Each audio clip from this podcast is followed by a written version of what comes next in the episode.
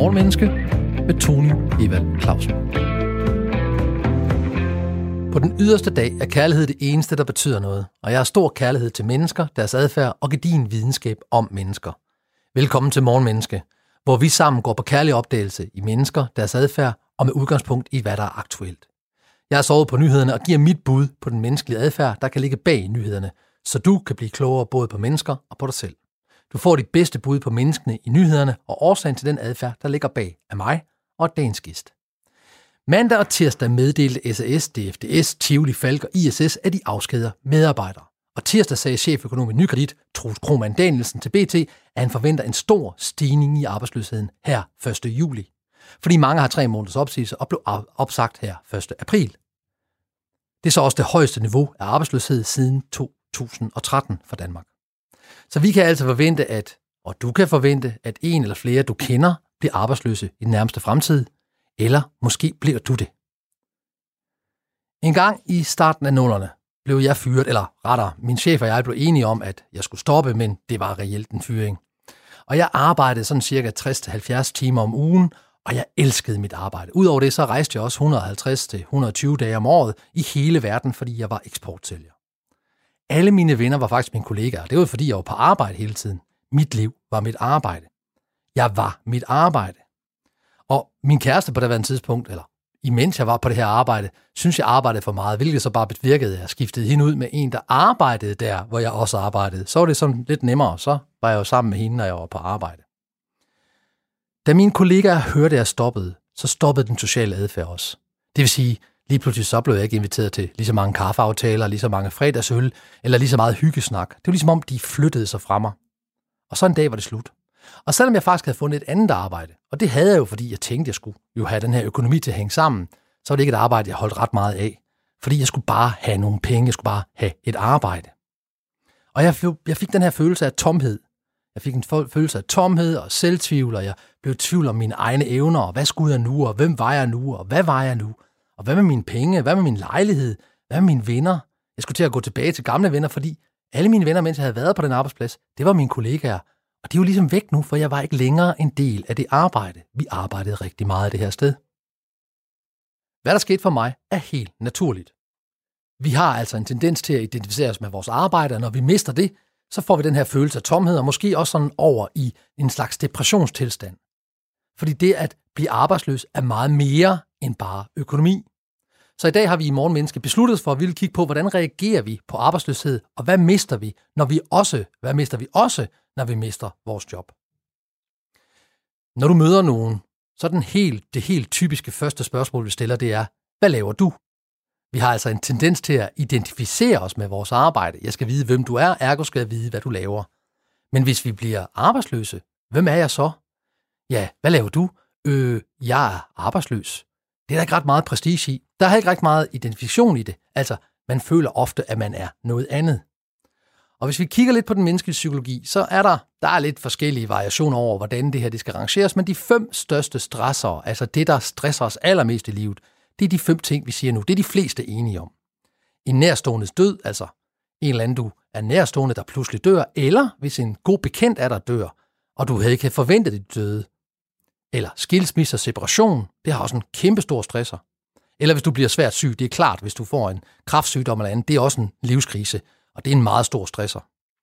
Det at flytte, altså det at flytte fra et hus til et andet, eller fra en lejlighed til en anden, det er også en stor stresser, fordi vi lige pludselig skal vi finde et nyt sted at være. Vi skal være et nyt sted, vi skal finde et nyt sted at finde os selv i. Og den sidste af de helt store stresser, de her top 5 af det, der stresser mennesket, det er faktisk at miste sit arbejde. Og de fleste oplever, at de mister mere end et job. Men hvordan vi reagerer på, at vi mister det her job, det er vidt forskelligt. Så i morgen menneske vil vi prøve at åbne lidt for, hvad er det, vi gør, hvad er det, der sker, og hvad er det, vi føler, når vi mister vores arbejde. Fordi du vil sandsynligvis komme til at kende en, eller kender allerede en, der er arbejdsløs, eller måske bliver du det selv. Og vi har sat os for i morgen menneske at være så ambitiøse, så giv dig i hvert fald nogle pegepinde på, hvad vi kan gøre, når vi møder mennesker, der enten lige er blevet arbejdsløs, eller skal være arbejdsløs, eller hvis du er blevet det. Fordi nogle mennesker går jo i krise. Og vi er så ambitiøse, at vi vil tage udgangspunkt i den gode Carl Gustav Jung, der sagde, at indtil det ubevidste bliver bevidst, vil det styre dit liv, og du vil kalde det skæbnen. Men vi kan faktisk gøre noget ved det. Hvis vi forstår, hvad der sker for os, så kan vi gøre noget ved det. Så lad mig brede krisepsykologien ud for dig. Grundlæggende taler man i krisepsykologien om, at det er en situation, hvor tidligere erfaringer og reaktionsmåder er for utilstrækkelige til, at man forstår og psykisk behersker den aktuelle situation. Og der er fire udløsere på kriser. Der er de ydre påvirkninger, og i den her, altså i coronakrisen og i den her arbejdsløshedskrise, vi kigger ind i, i hvert fald ifølge økonomerne, så er den ydre påvirkning jo, at vi er blevet opsagt fra vores arbejde. Og det er vi, fordi at der er økonomisk nedgang. Så det er den ydre påvirkning. Det alene kunne godt fremkalde en krise. Der er også de indre private, altså hvad sker der med mig og min husleje og mine faste udgifter og med det hele tiden med mig. Det alene kan også udløse en krise. Og i den her sammenhæng kan man jo sige, at det er en ydre påvirkning, der er blevet fyret. Det er indre private. Hvad med min husleje? Hvad med mine faste udgifter? Hvad med mit sommerhus? Hvad med ferien? Kommer vi på ferie i år? Har vi råd til det? Så er der den aktuelle livsperiode. Altså, hvor er du henne i dit liv lige nu? Og det kan også påvirke din krise. Så hvis du nu er for eksempel er 55 år, og du har været i det samme job i 10 eller 15 år, så det at blive opsagt for det arbejde kan give en krise. En eller alene, fordi du tænker, jamen, er der nogen, der vil have en gammel mand eller en gammel kone på 55 år? Og det tænker dem på 55 år. Det sjove er, at det gør dem på 21 og 26 og 35 faktisk også. Så det kommer an på, hvordan vi ser os selv. Ser vi os selv som værende atroværdige for arbejdsmarkedet, eller gør vi ikke? Det hænger også lidt sammen med vores personlighed. Er vi ængstlige, eller er vi ikke ængstlige? Og den anden, eller undskyld, den fjerde, det er den sociale omstændigheder. Det kan, være, det kan være det, der udløser krisen. Det er altså tab af status. Jeg går altså fra, at jeg var noget. Jeg var tømmer, jeg var murer, jeg var bagagemedarbejder, jeg var chef, jeg var et eller andet, jeg var socioassistent, eller hvad det nu er, som man er blevet ledig fra. Det var jeg, og nu er det ikke længere. Nu er jeg bare arbejdsløs. Og der er altså en ret stor procentdel af os mennesker, der oplever, i hvert fald i Danmark, der oplever, at det ikke at have noget arbejde, det er, at man er blevet nasser på samfundet. Det er, at man nu går fra at være yder til at være sådan en, der har brug for overførselsindkomster. Og for mange mennesker bliver man, ser man ned på det, både hvis det er en selv, og hvis det er andre. Jamen, hvor svært. Der er altid arbejde til dem, der vil have arbejde, var der engang en, der sagde. Og det er noget vrøvl. Men det er altså de her fire udløser til en krise. De ydre, de indre, den aktuelle livsperiode og de sociale omstændigheder. Og hvad er kilderne så? Ja, der er tre kilder. Trusler, der er tab, og der er ansvar. Og truslerne, det er jo ligesom dig og din familie. Det truer mig og min familie. Kommer vi på ferie? Kan vi blive boende, hvor vi er? Hvad tænker vores, hvad tænker vores naboer om, at det er en trussel mod min sociale status i mit nærsamfund eller i min familie? Eller tabet, det helt konkrete tab, det økonomiske tab, altså du går ned i løn, fordi de fleste får mere, end det, får mere i løn, end dagpengene er, eller i bistandshjælpen er, så der er et økonomisk tab, der er også et statustab, der er også et tab om, i forhold til, hvad synes min kone, eller min mand, eller min kæreste om mig? Hvad synes min mor og far om, at jeg lige pludselig er blevet arbejdsløs? Så kan man godt have en følelse af det her tab. Og så er der ansvar. Fordi selvom du sandsynligvis er totalt aldeles uden ansvar i, at du er blevet opsagt, eller at den, du kender, er blevet opsagt, og det er jo de økonomiske omstændigheder, coronakrisen, der satte alt på hold der dengang i marts, så kan man stadigvæk godt føle et ansvar. Man kan stadigvæk gå tilbage, så tilbage og tænke, Jamen, jeg burde jo bare have været så dygtig til mit arbejde, at de ikke ville afskede lige nøjagtigt mig. Måske var jeg ikke dygtig nok, måske var det min egen skyld, måske var jeg lidt for kritisk, måske var jeg lidt for ukritisk, måske arbejdede jeg ikke nok. Så selvom man er fuldstændig uskyldig i det, så kan man faktisk godt få den her ansvarsfølelse af, det er min skyld. Så jeg vil altså gøre det her lille forsøg i Morgenmenneske her til morgen, at hjælpe dig til bedre at forstå de reaktioner, som dem, der bliver afskedet, kan få, eller som du kan få, hvis du bliver afskedet. Så derfor får du nu en introduktion til krisepsykologi. Den første fase kalder man chokfasen. Det er fra et øjeblik til flere dage. Det er den her fase, hvor vi er totalt chok. Vi er overvældet, vi bliver forvirret, måske fornægter vi, ej, det skete bare ikke for mig. Måske bliver vi deprimeret, vi bliver måske også vrede. Og med den her vrede og depression kommer der også koncentrationsbesvær.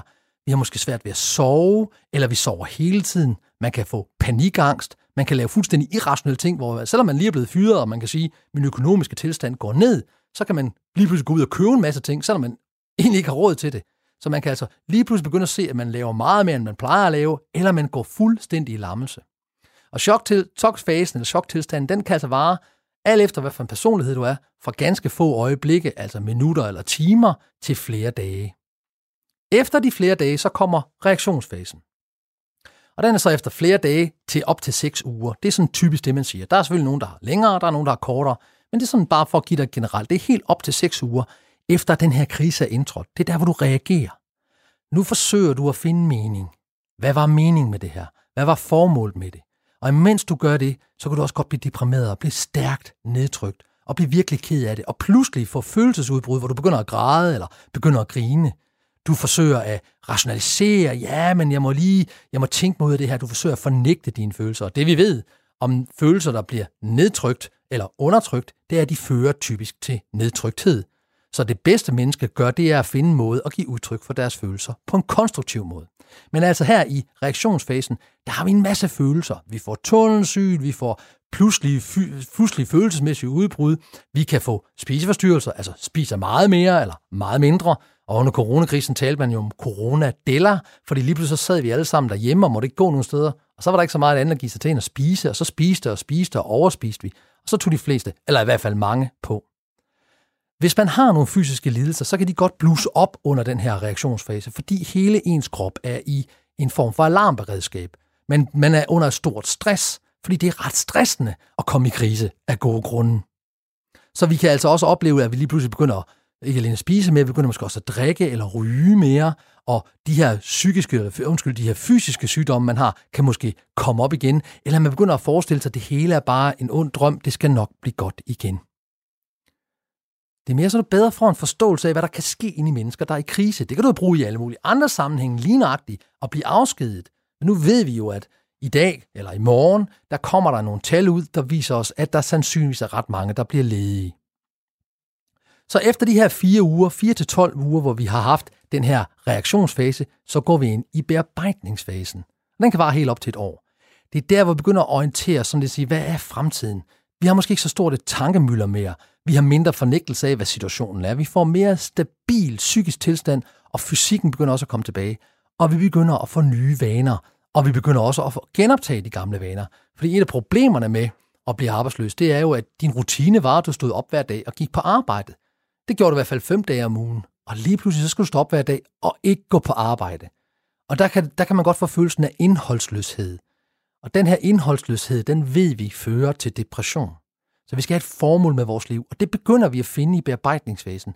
Hvad er mit nye formål? Hvad er min nye dagligdag? Vi etablerer vores nye dagligdag og vores nye formål. Og den sidste del af krisepsykologien, i hvert fald som Johan Kulberg han kalder den, det er nyorienteringsfasen. Og det er sådan efter de der 12-24 måneder. Det er der, hvor vi har accepteret, det er sådan her, det er. De nye vaner er blevet til gamle vaner. Krisen er en del af min erfaring. Jeg altså bruger det, at jeg har været i krisen, til en del af den måde, jeg bearbejder mine erfaringer på. Jeg får et nyt perspektiv på tingene, jeg får et nyt livssyn, jeg får nye værdier, jeg får større klarhed over mig selv og mit nye liv. Fordi enhver krise har en gave til alle mennesker. Det føles ikke som en gave, men det er det. Fordi enhver krise kan vise dig noget om dig selv, og kan hjælpe dig til at forstå dig selv bedre. Jeg siger på ingen måde, at du altid bliver stærkere af kriser, men det er en måde bedre at forstå sig selv og sine egne reaktioner på. Så lad mig lige sådan bare opsummere. Der er altså chokfasen, det er lige umiddelbart eller dage. Så er der reaktionsfasen, det kan være op til flere uger. Så efter de her uger har vi en bearbejdningsfase, og så en ny orienteringsfase. Og når jeg nu har fortalt dig om, hvad der sker, når vi er i en krise, og hvad der sker, hvis du er i en krise, så du kan, så du kan være opmærksom på, hvad der sker inde i dig, og du har fået den forklaring, så synes jeg også, det forpligter, at jeg giver dig nogle gode råd til, hvad du kan gøre for at hjælpe dig selv, når du kommer i krise, eller hvis du allerede er i en krise lige nu, fordi du er blevet afskedet. Det første, du kan gøre i krisens selvhjælp, det er at erkende din tilstand. Erkende, at du er i en krise. Erkende, at du står et svagt sted. Nogle mennesker har ikke lyst til at erkende det, men det bør du gøre. Bør erkende, hvad sker der inde i mig lige nu? Hvordan har jeg det helt grundlæggende? Også selvom det er lige med nogle følelser, du måske ikke kan lide. Du skal nemlig erkende dine følelser. Det er det andet punkt.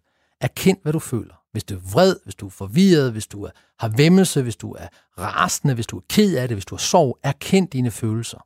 Fordi vi kan kun gøre noget ved følelserne, hvis vi ved, de er der. Ellers er de nede i vores underbevidsthed, og vi kalder det skæbnen. Det er jo det, Jung han sagde. Adskil, hvad du har magt over, og hvad du ingen magt har over. Sagt på en anden måde, hvad kan du gøre noget ved, og hvad kan du ikke gøre noget ved. Altså, du kan ikke gøre noget ved, at du er blevet afskediget. Det er uden for din magt. Men du kan gøre noget ved, hvad du gør nu. Så kig på, hvad kan jeg gøre, hvad har jeg indflydelse på, og hvad har jeg ingen indflydelse på. Således du kan give slip på de ting, som du gerne vil forandre, men som du ikke kan forandre, og har fokus på de ting, du rent faktisk kan forandre. Det fjerde råd er, at du skal udtrykke dine følelser til andre. Søg godt selskab. Lad være med at isolere dig. Søg selskab, og det kan, det kan faktisk godt være svært, så derfor til sidst i dagens program vil jeg give nogle gode råd til dig, der er, skal vi kalde det ven eller bekendt, eller i omgivelserne en, der er i krise eller lige blevet opsagt. Det får du til allersidst, men, men for dig, der er i krisen lige nu, søg godt selskab. Søg mennesker, der har kærlighed til dig, som du har kærlighed til, og så giv udtryk for dine følelser. Fortæl, hvad du føler, fordi blot det at fortælle om sine følelser, det giver en udfrielse.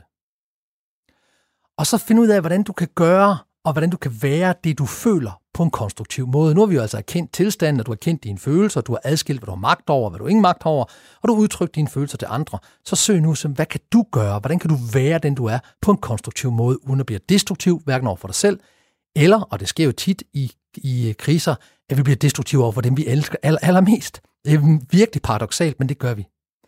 Og så skal du være kærlig over for dig selv og over for dine følelser. Vær lige så overbærende med dig selv, som du vil være overbærende med et barn, især hvis det var dit eget barn. Lyt til din krop, lyt til dine følelser og lyt til dine tanker, og vælg altid det kærligste valg for dig, som du kan. Hvis du lige har tændt for din radio, lytter du til programmet Morgenmenneske, hvor jeg hver morgen her i sommerferien går ind i den menneskelige adfærd ud fra nyhedsstrømmen, og for at kigge på, hvad de aktuelle nyhedshistorier kan fortælle os om mennesker. I den her uge har der allerede været adskillige historier om massefyringer i store virksomheder. DFDS opsiger medarbejdere, ISS opsiger medarbejdere, samme gør SAS og Tivoli og alle mulige andre. Og i dag skriver vi den 1. juli, og det betyder, at mange danskere, der blev fyret i marts måned, altså til 1. april, har tre måneders opsigelse. De har første ledesdag i dag. Og i morgen bliver ledestalen offentliggjort, og det tal gruer økonomerne for. Derfor undersøger jeg i dag, hvordan vi reagerer på arbejdsløshed, og hvad vi også mister, når vi mister vores job. Og med mig har jeg nu adfærdsbiolog Lene Christensen. Hej Lene. Hej Tony. Hvad tænker du, når du hører om de her store fyringsrunder og den stigende arbejdsløshed? Jamen først og fremmest så tænker jeg jo det, som alle andre tænker, at det er en rigtig trist og sørgelig situation, og at øh, corona har betydet, at så mange menneskers liv bliver, bliver påvirket så voldsomt, som det gør. Det handler jo både om økonomi og identitet og flokfællesskab osv. Øhm, men som adfærdsbiolog tænker jeg også, at det er et interessant fænomen, fordi hvad er det for en form for stress, der bliver udløst, øh, når man mister sit job, som man gør her. Og når man snakker om stress, så skal man forholde sig til sådan to former for stress. Det ene, det er kortvarig stress, og det andet er langvarig. Og kortvarig stress er faktisk noget, der er positivt for os. Det er det, der sådan ligesom giver spænding i livet. Det giver sådan et boost af nogle af de gode hormoner, øh, så vi lige sådan bliver ekstra alert, øh, opmærksom på et eller andet. Men den langvarige stress, det er den, der er rigtig dårlig, og det er også den, som, som vi hører om hele tiden. Den, når vi snakker for eksempel adrenaliner, altså vi ser det hormon, der hedder adrenalin, en stigning af det. Øh, og særligt det hormon, der hedder kortisol, som er det hormon, der udløses, når man har været udsat for langvarig stress. Og hvis man for eksempel har boostet kortisol ud i lang tid, så, øh, så bliver man også påvirket fysisk. Altså så får man et dårligere immunforsvar, og det er også bevist, at man kan få overforkalkninger og har større risiko for at få hjerteanfald og sådan noget. Og sådan noget som at miste sit job, må man også sige, er så stor en ændring af dine omgivelser, øh, at man må formode, at det udløser øh, langvarig stress. Altså de, de signalstoffer, der, der, der, der der koder for langvarig stress. Og, og hvordan, og hvordan når, når det så kommer, de signalstoffer, hvordan påvirker det så mennesket eller dyr?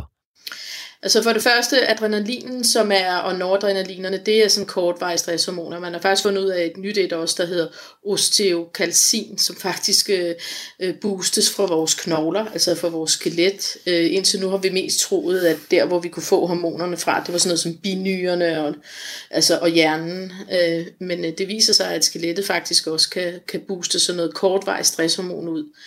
Og det, og det ændrer så din adfærd, sådan så du er klar til for eksempel, altså oprindeligt har det været, så du var klar til at kæmpe mod en løve, der kom løvende imod dig. Mm. Så fik du lige sådan et kæmpe boost af de her hormoner, som gør, at du er mere alert, og du er klar, og dine muskler er spændte, og du kan løbe endnu hurtigere, end man kan i nogen som helst andre tilfælde.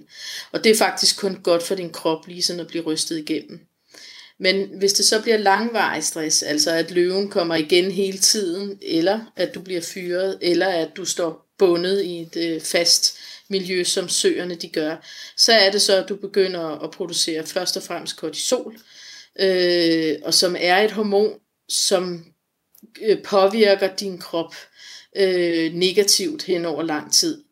Øh, folk, som producerer kortisol over en lang periode, de begynder faktisk at vågne omkring kl. 3-4 stykker om morgenen. At de bliver simpelthen vækket af det her kortisolniveau, så de sover dårligere. Og så er det så bevist, at de øvrigt også får et nedsat immunforsvar. Det påvirker hjernen, så man er dårligere til at huske. Men det man også sker, øh, ser på adfærden, det er, øh, at man hos dyr for eksempel ser det, der hedder stereotopier. Det kender folk sikkert som sådan den gentagende bevægelse, dyrene laver hele tiden, uden at det giver nogen mening. Mm. Det er en elefant, som står og rokker, en cirkuselefant, som står og rokker fra side til side, fra side til side, eller tigeren, der går otte taler inde i et bur. Og rigtig mange mennesker kender det ord stereotopi, og det er altså et udtryk for langvarig stress. Det er kun dyr, der har været udsat for langvarig stress, der har stereotopier. Og det samme gælder for mennesker, altså rumænske børnehjemsbørn, som har siddet nede i en, en lille øh, babyseng. De får deres mad, og de får skiftet blæ, men de får ikke nogen menneskelig omsorg. Det er også øh, noget, der udvikler langvarig stress, og de sidder også sådan og rokker fra side til side, kan man se nede i sengen så kan sådan, noget, øh, sådan et langvarig stress også udløse det, der hedder unormal adfærd. Altså at man begynder at gøre noget, man aldrig nogensinde har gjort før, og også tit og ofte noget, der kan være uhensigtsmæssigt, for eksempel meget aggressiv adfærd. Men det værste, der kan ske, det er faktisk det, vi kalder apati. Og det er ikke noget, man egentlig lægger mærke til, fordi det er, når dyrene bliver helt apatiske, altså de helt holder op med at lave noget. Så man kan ude i vores produktionssamfund kan man se masser af både svin og køer og så videre, som bare ligger ned hele dagen, uden overhovedet at foretage sig noget. Og dem registrerer man jo egentlig ikke rigtigt som værende syge. Altså fordi når du går forbi og kigger på dem, så tænker du, om den ligger nok bare og hviler sig. Så det er først, når vi adfærdsforskere begynder at stå og registrere på dem, at vi kan se, at der er noget galt her, den ligger ned og hviler sig hele tiden. Og det er faktisk en af de værste adfærdsformer, du overhovedet kan registrere. Det er det, vi kalder apati. Og det synes jeg også, at vi kan se øh, i menneskeverdenen, når det er, at man bliver øh, arbejdsløs. Til at starte med, at det er jo en chokreaktion, når man mister sit job, så det er den kortvarige stress, og hvordan reagerer man på adrenalinerne og sådan noget. Men efter et stykke tid, og hvis ikke man får job efter et stykke tid, så er det, at kortisolerne de begynder at træde ind. Og så begynder vi faktisk også at selv at producere det, der hedder endorfiner, og det er sådan en slags morfin, vi selv kan lave, og det gør vi for dem symptomerne på vores stress. Øh, dyrene de gør det ved øh, for eksempel at manipulere med, med tungen og kæben.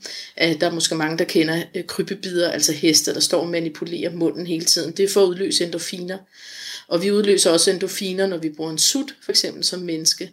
Og der er mange andre måder ligesom at få sig selv til at lave endorfiner på, sådan så man faktisk står og drukker sig selv ned for at dæmpe de her sådan, øh, stresssymptomer, som kroppen instinktivt godt ved er noget lort, når det er hen over lang tid. Og så er det så, at vi til sidst ender i det, der hedder apati, fordi du er så fyldt med kortisol og så fyldt med endorfiner, at du bare øh, ligger sådan helt sløvt hen. Og det synes jeg jo, at vi hører om, når folk har været ledige i meget lang tid. Altså snakker vi om, at de har svært ved at tage initiativ og tage sig sammen og gå ud og finde et job. Men det er altså en helt normal og naturlig reaktion på langvarig øh, stress, men også en meget alvorlig reaktion jeg kan jo godt genkende, det er jo sådan stresssymptomer på i hvert fald på nogle mennesker. Hvad, hvad, kan man gøre, hvad gør man ved dyr? Hvad gør man ved mennesker for at ligesom komme ud af den? Altså der er jo to måder at, at behandle de her stresssymptomer på, og det ene det er jo at årsagsbehandle, altså gøre noget ved årsagen, og det andet det er at symptombehandle. Øh, og symptombehandling er jo egentlig noget rigtig skidt, men hvis det for eksempel handlede om, at du Øh, altså nogle gange begynder nogle dyr at stå og, øh, altså for eksempel krybebider, øh, hestene der, de, det, det mener man jo er dårligt, at de står og bider der i kryben. Så gør man det, at man sætter sådan et aggregat på dem, altså sådan et bindsel på dem, der gør, at de ikke kan komme til at bide kryben. Øh, nogle af dem får faktisk sådan et net ned omkring munden, så de slet ikke kan komme til at bide noget som helst. Øh, det, er, det vil være at symptombehandle, og det er i adfærdsbiologiens verden noget lort. Altså det skal man ikke. Man skal gå ind og årsagsbehandle. Man skal finde ud af, hvad er årsagen til, at det her stress bliver udløst. Og her er det jo ret nemt at pege på, at det, den stressudløsende faktor er jo, at vedkommende er blevet arbejdsledig. Så derfor er det jo fuldstændig ligesom der bliver sagt i, i nyhederne og sådan noget nu, at det handler rigtig meget om, at man får coach, og at man får mulighed for at have samtaler med nogen omkring det her, sådan så man kan gå ind og årsagsbehandle, og ikke bare symptombehandle. Og det vil vi tale videre med dig om, men vi er presset af, at der står nogle nyheder og banker på døren. Klokken er halv syv. Du lytter til Morgenmenneske med Tony Evald Clausen. Hen over sommeren kan du hver morgen blive klogere på menneskelig adfærd, hvis du er tændt for din radio mellem kl. 6 og kl. 7. For her i Morgenmenneske tager jeg udgangspunkt i nyhedsstrømmen og hvad nyheden kan fortælle os om mennesker. Og i dag har jeg, taget, har jeg valgt at tage fat på fyringer. For flere store danske virksomheder har i den her uge meddelt, at flere hundrede danskere mister deres job. Det er både ISS, DFDS, SAS. Og det er de seneste eksempler på, at man må afskedige hundredvis af medarbejdere på grund af coronavirusen. Og derfor forsøger jeg i dag, i dagens udsendelse, at besvare spørgsmålet, Hvordan reagerer vi mennesker på arbejdsløshed, og hvad mister vi også, når vi mister vores job? Og før vi gik på nyhederne, der havde jeg Lene med, og det har jeg heldigvis stadigvæk, og vi snakkede om symptombehandling i forhold til de her stress, hvor man, hvor man, hvor man får nogle stresssymptomer. Og Lene, kan du tage den op igen? Du snakker lidt om heste, og hvad man gjorde ved heste. Hvad kan man gøre ved mennesker? Jamen altså, jeg synes, at vi skal forholde os til, at mennesket er jo en, et pattedyr og en organisme, fuldstændig ligesom en hest, eller en gris, eller en abe er. Øh, så, så man kan jo godt lave sådan et, øh, altså tegne et billede af, hvad er det for en situation, øh, det her dyr står i lige nu, altså det her menneske står i lige nu. Og der går vi som adfærdsbiologer ind og kigger på, hvad er det for en stressfaktor, der har udløst det, vi ser her. I det her tilfælde vil det jo så være, at man er blevet afskedet. Øh, hvad er der ellers af historie og baggrund hos individet, og hvad er det så for nogle øh, altså fysiske målinger kunne man godt lave. Mm. Øh, hvordan ser det ud med billedet på adrenaliner og kortisoler osv. Men derudover kan man jo registrere på adfærden, eller i hvert fald tale med folk om deres adfærd. Hvordan oplever du det? Altså, der er ikke nogen, der udvikler stereotypier, som jeg talte om tidligere, som er de her sådan, uønskede bevægelser, som ikke har noget formål, og som bliver gentaget. Det er der ikke nogen, der udvikler hen over så kort en periode. Øhm, så, så det vil man måske ikke se, men man, jeg forestiller mig, at man godt kan se øh, forskellige grader af unormal adfærd. Altså at man bliver for eksempel usædvanligt aggressiv eller kortlundet. Øh, og så kan man jo også begynde at kigge på sådan over tid, om folk begynder at udvikle det, der hedder apati. Og alle de der ting kan så øh, lægges sammen og give et billede af, hvor presset er denne her person i denne her situation. Hvor vigtigt er det, at vi får gjort noget vigtigt. Jeg er godt klar over, at det er lige vigtigt for alle at få et nyt job og komme videre i forløbet. Men nogen har brug for, tænker jeg, længere tid til at tænke over, hvad jeg gerne vil, og andre har brug for at komme, komme ud hurtigst muligt, ligegyldigt hvad det er, de nærmest kommer ud til øh, arbejdsmæssigt. Så det er en individuel vurdering hver eneste gang, men man kan tegne et billede af folk i forhold til den adfærd, de udviser, og ikke kun i forhold til, hvad de siger. For selvfølgelig skal der også være samtaler med dem, og hvordan de selv har det. Men man kan faktisk også kigge på, hvad de gør, for at få et helt billede af, hvad reaktionen er. Og hvis, hvis vi forestiller sig, at nogle af vores lyttere her til morgen, de, de er lige blevet opsagt, og de, de hører, hvad du siger om støttepiger, om, om, om de her hormoner og sådan noget. Så hvad for nogle råd kunne du give dem til, at de kan monitorere på sig selv, om de er ved at være derhenne, om de kommer i stress? Har du nogle gode råd til, hvad det dyr, der hedder mennesker, hvordan de kan opdage, at de er på vej hen i de her, stress, øh, de her stresstilstande, du lige har beskrevet? Mm. Altså for det første er det jo igen det der med at forholde sig til, der er forsket på korttidsstress og langtidsstress. Så det hormon, som ligesom gør sig gældende under korttidsstress, det er adrenalinerne og noradrenalinerne. Og de udløser sådan noget som hjertebanken og svedige håndflader og alt det, vi godt kender, inden vi faktisk skal ind til en eksamen eller sådan noget. Hvis man registrerer det hos sig selv, så er det fint at vide, at jeg er i stressmode lige nu, men det er kortvarig stress. Så det er ikke noget, som sådan er dybt bekymrende. Det er en helt normal reaktion, at øh, jeg har det øh, småskidt med, at jeg er blevet afskedet. Men der, hvor man skal begynde at holde øje, det er, når kortisolerne begynder at spille ind, altså de langtids, øh, langtidsstresshormonet kortisol. Øh, og det er sådan noget med, altså for eksempel, at det kan påvirke hjernen, så man bliver dårligere til at huske. Øh, det kan også være nedsat immunforsvar, så man for eksempel lettere bliver forkølet, altså hvis man pludselig oplever, at man bliver mere syg, eller det her med, at man får et meget dårligt søvnmønster. Det er alle sammen indikationer på, at man er ude i, i langtidsstress. Og det ved øh, psykologer og læger meget mere om, end jeg gør hos mennesker. Øh, men det er også noget, vi ser hos dyr. Øh, og så når vi, når vi taler hen over lang tid, så vil jeg jo virkelig holde øje med det her unormale adfærd. Så begynder jeg at have et dårligt adfærdsmønster. Øh, eller begynder jeg at være apatisk. Altså så er det noget, man skal sige. Så skal man ikke bare stille sig til tåls med, øh, ah, men man har nok mistet gnisten, eller man kan ikke lige tage sig sammen til et eller andet prik, prik, prik. Man skal faktisk vide, at ens system og ens hormoner har påvirket en så lang tid, at man faktisk begynder at blive apatisk, og endorfinerne måske også er inde at spille.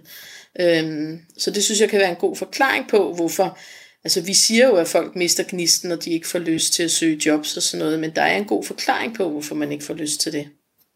Så, så siger du på en anden måde at sige det her på, det er, hvis du oplever de her kortisoler, altså jeg får hukommelsesbesvær, jeg bliver lettere forkølet, jeg får søvnforstyrrelse, jeg får apati eller unormal adfærd, at, at det, der kunne have, det, der kan rette op på det, det er, hvis vi gør noget andet, hvis vi motionerer, hvis vi får et nyt formål, eller, eller er det noget retning, du siger? Øh, ja, altså adrenalinerne, korttidsstressen kan du godt arbejde med øh, i forhold til at motionere og sådan noget, men kortisolerne kan du altså ikke øh, på samme måde rette op på. Øh, så derfor er det, som, som jeg også sagde før, der skal man ind og årsagsbehandle. Altså man skal ind og finde ud af, hvad er det, der udløser den her langtidsstress. Og ja, det er, at man er arbejdsledig, men bor en gang længere tilbage. Hvad er det ved det arbejdsledigheds øh, situationen, der, der udløser langtidsstress hos den enkelte person. Er det øh, for eksempel, at man står i en svær økonomisk situation, og man er bange for sådan og sådan, eller er det noget med identitetskrise, eller øh, at man simpelthen bare ikke ved, hvad man skal med sit liv, eller et eller andet. Så, så man skal ind og årsagsbehandle for at gøre noget ved, ved kortisolerne, altså de langvarige stresshormoner. Øh, der er sikkert også nogen, der har hørt, at hvis de er stressede, eller for eksempel er depressive, at så kan motion være vejen frem. Og det kan det også i nogle sammenhænge, men altså det er mest øh, adrenalinerne og noradrenalinerne, det hjælper på. Det er ikke så meget kortisolerne. Så er det et andet ord for, at vi skal lave kognitiv terapi, altså det her med at samtale om vores situation for at finde ud af, hvor, hvad er det, der helt konkret stresser mig? Jamen lige præcis, altså jeg synes jo, at man skal forholde sig til, at mennesket er den heldige situation, at vi kan snakke sammen om tingene.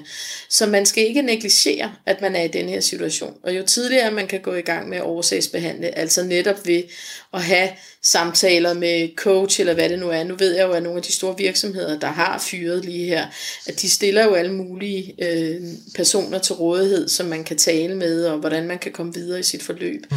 Og det skal man benytte sig af. Altså man skal ikke tænke, at den klarer jeg nok selv, den her, for det kan man måske også klare selv. Men, øh, men man skal ikke negligere det her med langtidsstressen, altså at du hen over en lang, lang periode kan blive så stresset, at det begynder at påvirke dig alvorligt på flere parametre. Og jo tidligere man kan gå i gang med oversagsbehandling, jo bedre. Det er god råd. Super godt. Jeg kunne godt tænke mig at referere til den samtale, vi havde i går morges, fordi der talte du om alfahander, og du gav os nogle gode råd til, hvad en rigtig alfahan er. Det er altså sådan en, der tager sig af fællesskabet, og som ikke har brug for at bevise noget. Det var der, vi snakkede om graffiti. Og der talte du også om, at de her alfahander i de her grupper, de de øh, har jo hunderne og adgang til hunderne, og så på et eller andet tidspunkt, så bliver de jo også fyret, fordi så er de jo ikke, så er de ikke i stand til at fastholde gruppen længere. Hvad sker der med en alfahan, der bliver fyret af, af flokken, fordi der kommer en ung løve, eller en ung bjørn, eller en ung øh, gorilla ind? Ja, det er jo ikke øh, sammenligneligt med det, vi ser i Danmark lige nu, fordi der bliver folk jo ikke smidt af posten, øh, fordi der er kommet en ny han ind, som er bedre. Altså det, det der sådan gør det en lille smule nemmere at blive fyret lige nu, hvis man for eksempel er del af 1000 medarbejdere i SAS, det er jo, at, at man er mange om det på én gang, så, så, man, så det er jo meget tydeligt, at det handler ikke om, at man ikke duede som alfa han mere. Men der, hvor det handler om, at man ikke dur som alfa han mere, der er det jo koldt og kynisk, hvis vi kigger for eksempel på en chimpanseflok. Der ryger man altså af posten sådan efter cirka to år, fordi øh, at, øh, at der er man simpelthen blevet for gammel, altså ens gener dur ikke rigtig mere, så der skal en ny på posten. Så lige så snart der er en, der kan true en på posten, så ryger man ud. Og sådan er det hele tiden, og det er jo for at sikre, at de bedste gener kommer videre i flowet hele tiden. Så, men, og det er, jo, øh, det er jo også det, man kan se på en arbejdsplads, hvis der kommer en ny alfahan ind, som kan true den alfahan, der sidder. Når det så er sagt, så er det slet ikke altid, at det er velfungerende gode alfahander, der sidder på for eksempel direktørposterne rundt omkring i Danmark. Det er alle mulige andre øh, individer, som sidder på de poster af alle mulige forskellige årsager. Wow. Det var, det var, noget, af en, det var, det var noget af en statement. Øhm, lad, mig, lad mig lige prøve at dvæle ved den lidt. Så, så hvad sker der med den udstødte alfahan? Hvad, hvad, hvad, hvordan reagerer en alfa-chimpanse, der er blevet smidt ud? Hvordan, går de hen og lægges til at dø, eller hvad, hvad gør de? Ja, det gør de faktisk. I de værste tilfælde gør de. Mm. Altså, øh, i nogle tilfælde, så, øh, så får de lov at være en del af flokken, sådan perifært, og ryge ud i det, som vi kalder satellithander. De får lov at følges med flokken i kanten og komme hen til der, hvor maden er, men de får ikke den gode mad. Så når chimpanseflokken har slået en anden abe ihjel og deler det her sådan, så kødmåltid, som er meget stor betydning for dem, så får den gamle han ikke lov at få del i det. Så det kan man nogle gange se, men man kan altså også nogle gange se den hårde, hårde vej, og det ser man blandt andet en løveflok, at når løvehanden bliver smidt, smidt af der, så må han gå sin vej alene, og løver de er altså indrettet sådan, at de skal jage sammen i flok. Og hvis ikke han har nogen flok til at jage for sig, så får han ikke noget mad, så dør han af sult. Og det ser man øh, ret ofte øh, på savannen. Det kan være meget barskt at, at se på sådan en gammel flot løve, han øh, stille og roligt sig hen og dør sult. Men det er sådan, det er, øh, og det er sådan, det fungerer i dyreverdenen. Sådan er det jo ikke i menneskeverdenen, der tager vi jo en masse andre hensyn. Men ja, øh, altså vi ved jo alle sammen godt, at det er svært. Jo ældre du bliver, jo sværere er det at få et nyt job. Og det er jo også derfor, vi prøver at kigge på øh, seniorordninger og så videre, fordi det netop er en faktor, der spiller ind. Så det kan da være svært at få sig en ny chance, hvis man har alderen imod sig. Og, og, og nu har vi så kigget lidt på psykologien, inden vi ringede dig op og kigget lidt på, hvordan man kunne reagere. Og der har jeg ganske kort nævnt noget om, at nogle af dem, der bliver afskediget, de får en oplevelse af, at deres kollegaer, altså i opsigelsesperioden, og lige når de er færdige med jobbet, så de kollegaer, de talte meget med før, de holdt op med at tale med dem, ligesom om de undgår dem lidt på gangene, de bliver ikke helt involveret. Så man kan også sammen med en afskedelse godt føle sig sådan isoleret, eller i hvert fald socialt isoleret. Hvad, hvad siger en adfærdsbiolog om en gruppe på en arbejdsplads, der ligesom flytter sig adfærdsmæssigt fra kontakt til en, der er blevet afskediget? Mm. Jeg siger, at det er en øh, helt normal reaktion, om end jeg synes, den er enormt ubehagelig. Altså fordi det er det, der adskiller os fra dyr. Det er jo, at, at vi har, formoder vi i hvert fald, et, et højere niveau af empati og større forståelse for øh, det her. Men det er en helt normal reaktion, som man så også ser i dyreverdenen, at, øh, at hvis der er en meget stærk chimpansehan i flokken, som i øvrigt har sørget for, at flokken har fået alle mulige goder serveret, inklusiv udviklet nødeknækker, så de kan få nødder osv. Han falder ned fra et træ og brækker højre overarm, og ikke kan bruges i flokken, jamen så ryger han ud til højre med det samme. Der er ikke nogen, der gider have noget mere med at gøre. Man tager øh, naturligt, altså aberne tager naturligt sådan afstand til det her sårede individ, som nedsætter gruppens fitness, kalder vi det, altså deres overlevelseschance.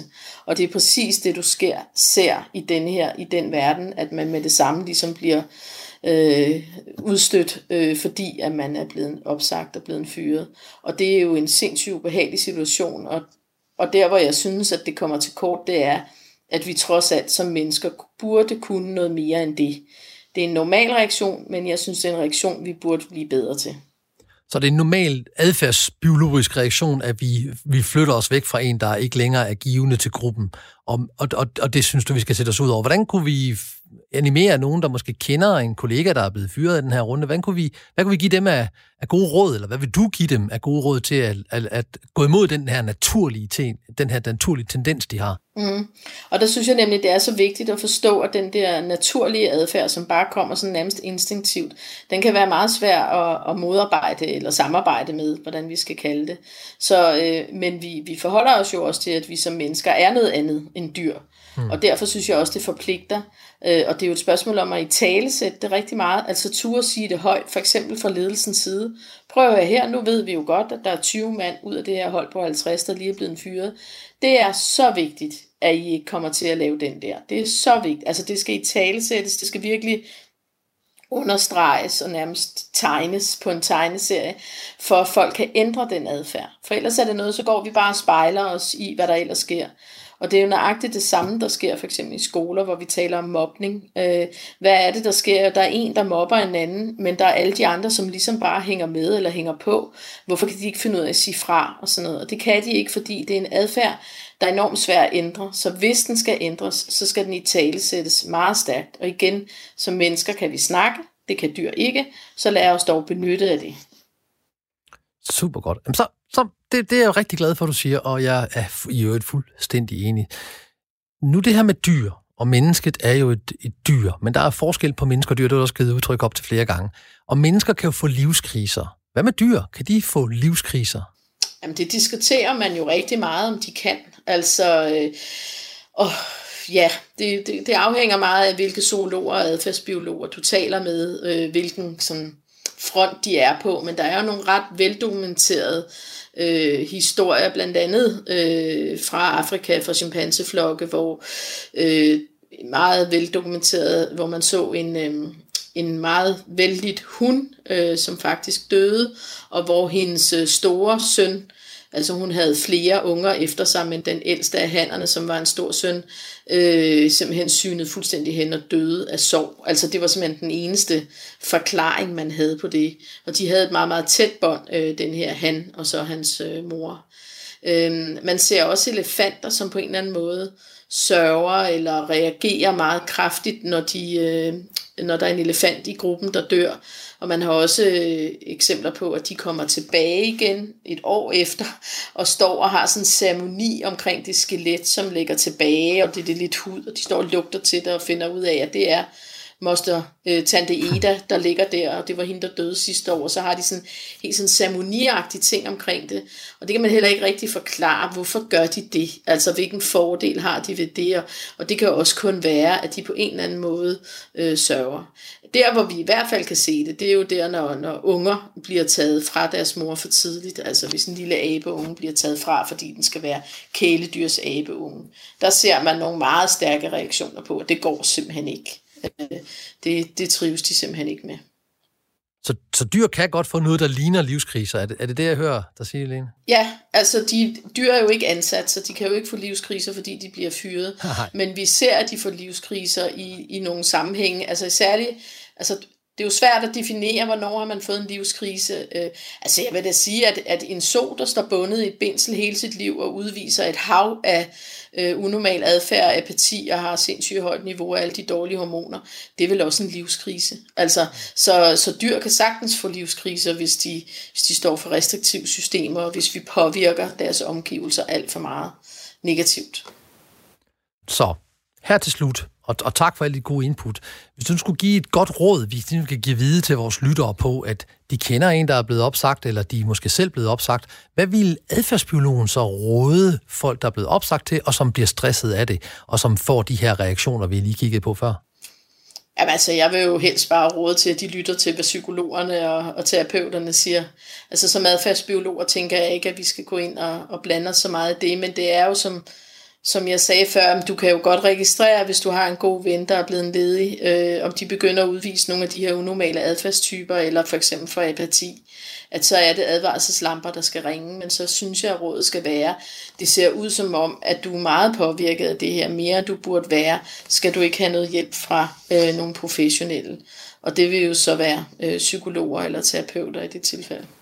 Det var ordene fra adfærdsbiolog Lene Christensen. Tusind tak for dit input i dag, og øh, vi ringer dig sikkert op igen i morgen med et nyt emne, der er aktuelt, og som fortæller os noget om mennesker og dyr, og hvordan vi reagerer. Du lytter til Morgenmenneske, og hvis du lige er stået op, eller netop er tunet ind på din radio, er du gået glip af en masse. Her kommer lige en opsummering for dig, der er B-menneske, eller gik glip af starten. I dag har vi kigget på, at økonomer forventer højere ledighedstal i dag her den første, fordi de regner med, at rigtig mange blev opsagt per 1. april med tre måneders varsel. Hvis den antagelse er korrekt, så vil vi kende en eller flere, der bliver ledige eller er blevet det, eller måske det er dig, der ser ind i ledigheden her op til sommerferien. Sammen med adfærdsbiolog Lene Christensen, så talte vi om, hvordan kolleger og omgivelser også kan reagere på en afskediget kollega, eller at en i bekendtskabet bliver arbejdsløs. Og hun fortalte, at den naturlige biologiske reaktion, det er at fjerne sig fra den, der er blevet udstødt af gruppen. Altså at vi helt naturligt socialt undgår at komme i kontakt med og tale med en, der er blevet udstødt af gruppen. Og det at blive afskediget er jo en udstødelse af gruppen i forhold til ens kollegaer, som måske også er blevet ens gode venner eller meget gode bekendte. Og det samme sker i vores bekendtskabskreds. Åh ja, Tony er blevet arbejdsløs. Uha, det må ikke være rart. Så de flytter sig fra ham. De går ikke hen og taler med ham. Så det, det, det, det, det vil vi lige kigge ind i. Hun siger, det er sådan en helt naturlig måde, vi reagerer på, men hun synes jo ikke, det er en fed måde, fordi vi mennesker burde tænke det længere. Den ledige kan altså hurtigt komme til at føle sig alene og blive isoleret af flere årsager. Psykologisk er en af årsagerne, at kolleger associerede den afskedige til fyringer og til noget negativt. Og den afskedige har jo også mistet indflydelsen på de arbejdsgange, der er i huset. Altså, de har ikke længere indflydelse på, hvad der kommer til at ske, efter at de er stoppet. Så derfor har kolleger, nogle kolleger, tendens til sådan, jamen de snakker ikke så meget, og man, man, man hygger ikke, snakker ikke så meget med dem. Og venner og familie kan få medlidenhed og tænke, uha, det skal vi ikke snakke om. Vi skal ikke tale om, at Tony er blevet arbejdsløs, og naboer bekendte undgår måske også den, der er blevet afskedet, for de aner ikke, hvad skal jeg sige, hvad skal jeg gøre? Så hvis du kender en, der er blevet ledig, eller bliver ledig lige nu, så kommer her vores bedste råd til, hvad du kan gøre. Altså når en læge går i krise over, at de er blevet afskediget, og nu står de ind i arbejdsløsheden, og det er op til sommerferien, og hvad gør vi, og hvad med penge og alt det her. Hvad kan du gøre? Fordi en af grundene til, at vi glemmer at tale med mennesker, der enten er blevet afskediget, eller i stor sorg, eller har fået en sygdom af en eller anden art, det er, at vi aner ikke, hvad gør vi? Så her kommer vores bedste råd til dig. Krisehjælp til andre. Spørg, hvad mennesket har brug for. Altså simpelthen sige, hvad har du brug for? Jeg har hørt, du er blevet fyret. Hvad har du brug for? Hvad kunne du godt tænke dig lige nu? Og acceptere svaret. Du kan også godt tilbyde den hjælp. Altså sådan noget med, har du brug for hjælp? Eller kan jeg hjælpe dig på nogle måder? Skal vi, skal vi, skal vi gøre et eller andet sammen? Eller sådan noget? Og acceptere, hvis de siger ja, selvfølgelig. Eller hvis de siger nej. Og du skal også adskille, hvad du føler i forhold til mennesket. Altså, det er virkelig stærkt egoistisk også, når vi tænker, at jeg, jeg ved ikke, hvad jeg skal sige til Tony, der er blevet afskedet, så jeg lader være med at sige noget. Adskil det, du føler, fra at lytte til mennesket. Så lyt til, hvad mennesket føler. Hvad er det, Tony føler? Hvad er det, den afskedige føler?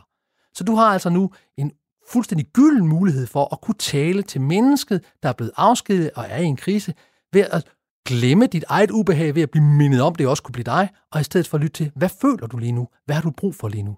Spørg, hvad vedkommende har magt over. Hvad kan du gøre noget ved, og hvad kan du ikke gøre noget ved? Det er det tredje gode råd. Simpelthen hjælp mennesker til at sige, hvad kan jeg rent faktisk selv gøre i den situation, jeg er i lige nu?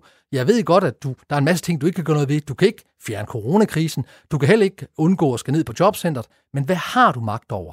Også noget af det her med, en af de ting, der sker, når vi bliver ledige, det er, at vores formål med dagen forsvinder, fordi vi plejer jo at stå op og gå på arbejde, og nu står vi op til ingenting. Så Hjælp dem til at få en indsigt i, hvad kan jeg rent faktisk gøre for at fylde min dag op med noget meningsfyldt? For det ved vi, det er stærkt motiverende for mennesket, og en stærk markør på at undgå depression og nedtrykthed, det er, at vi står op hver dag med en oplevelse af, jeg har et formål, der er noget, jeg skal gøre, og du kan hjælpe dem. Ved at spørge dem, hvad har du magt over, hvad har du ikke magt over, så kan du hjælpe dem til at få fokus på, hvad der kan, være, hvad der kan påvirke dem. Vær 100% ærlig om kendskærningerne. Det nytter ikke noget, du har hensynsbetændelse.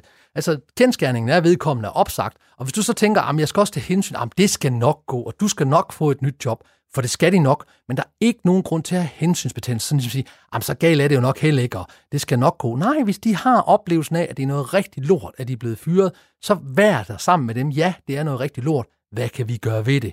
Så glem alt om hensynsbetændelse. Det hjælper faktisk ikke. Det samme gælder, hvis du møder mennesker, der er i krise på andre områder. Altså sådan noget med en, der er død, eller en, der er terminalt syg, eller de er måske selv syge. Lad være med at prøve på at kaste hen og sige, om lægerne de kan også så meget, øh, og alle mulige andre forklaringer. Bare vær der i det, sammen med mennesket, og lad være med at have hensynsbetændelse. Fortæl dem om kendskærningerne. Og den, den, den næste råd, det er sådan et ret godt råd. Lad være med at have medlidenhed. Belidenhed er, at du lider sammen med dem. Og mennesker, der er i krise og som er blevet afskediget eller har, har anden sorg i deres liv, de fortæller ofte, at når de fortæller andre, at jeg er blevet fyret, så begynder den, de tiger det til, sådan og nærmest at græde sammen mellem sig. nej, så de ender med at skal stå og trøste det her stakkels menneske. Så den, der er blevet afskedet, ender med at skal trøste den, de har fortalt, at de er blevet afskedet til, fordi de synes, det er så synd for dem. Så lad være med at have medlidenhed. Ha' forståelse, og empati, det er forståelse for følelser. Og så lyt lyt og lyt, og kom kun med løsninger på opfordring eller med tilladelse. Lad være med at komme med løsninger, medmindre de beder om den. Du kan selvfølgelig godt spørge dig med, om du må komme med en løsning, men du skal ikke komme med den uopfordret. Vær til rådighed og fortæl, at mennesket aldrig er alene. Kom med sådan en, ved du hvad, skal jeg ikke komme over med nogle frysefrikadeller og noget kartonvin, og så hygger vi os sådan helt uformelt. Sådan noget må man gerne sige. Fordi det, det, der sker ofte, når vi bliver ledige, og hvis vi kommer i en krise, det er, at vi føler os isoleret. Det er de bedste råd til dig, der kender en, der måske er kommet i krise på grund af ledighed herop, herop til sommerferien eller lige efter sommerferien på grund af coronakrisen. Vi snakkede også lidt om krisepsykologi, og det vil jeg ganske kort lige rise op for dig. Der er en chokfase, det er der, hvor vi er i chok, og vi bliver meget forvirret. Den varer fra minutter til dage. En reaktionsfase, der varer fra dage til uger, hvor vi skal reagere på det her. Og i det her akutte situation med chok og reaktion, der har vi en masse følelser og en masse, der sker en masse ting i os, hvor vi bliver irrationelle. Det fortalte Lene også lidt om, vi bliver irrationelle, vi får unormal adfærd. Og så kommer der en bearbejdningsfase og en nyorienteringsfase. Og dem skal vi hjælpe os ud af. Vi skal altså hjælpe mennesket til at forstå, det er helt naturligt, du svinger i humør, det er helt naturligt, du får søvnproblemer, det er helt naturligt, at du øh, lige pludselig bliver deprimeret, og andre gange så er du overhovedet ikke deprimeret. De her humørsvingninger er helt naturlige. Du er i chokfasen eller i reaktionsfasen. Nu skal du altså bearbejde det, der er sket for dig, og så skal du orientere dig over, hvad gør jeg så? Og krisens selvhjælp var også, og det er det sidste, jeg vil give dig her, det er, hvis du er i krise lige nu, fordi du er blevet opsagt, så erkend tilstanden, erkend dine følelser, adskil, hvad du har magt over og ingen magt over, så du kan se, hvad kan jeg gøre noget ved, hvad kan jeg ikke gøre noget ved. Udtryk dine følelser til andre, søg godt selskab. Søg, hvad du kan gøre, og hvordan du kan være den, du er på en konstruktiv måde, og vær kærlig over for dig selv. Selvkærlighed. Lyt til din krop, lyt til dine følelser og lyt til dine tanker. Vælg kærligheden. Vær bevidst, opmærksom, nærværende og til stede. Således formidlet. Det var dagens morgenmenneske. Sammen gik vi på kærlig opdagelse i mennesker og deres adfærd med udgangspunkt i gårsdagens nyheder. Og vi laver en ny version af Morgenmenneske igen i morgen. Jeg hedder Tony Evald Clausen, og det gør jeg efter planen stadig i morgen. Velmødt. Programmet blev produceret af Pibesovs Productions til Radio 4.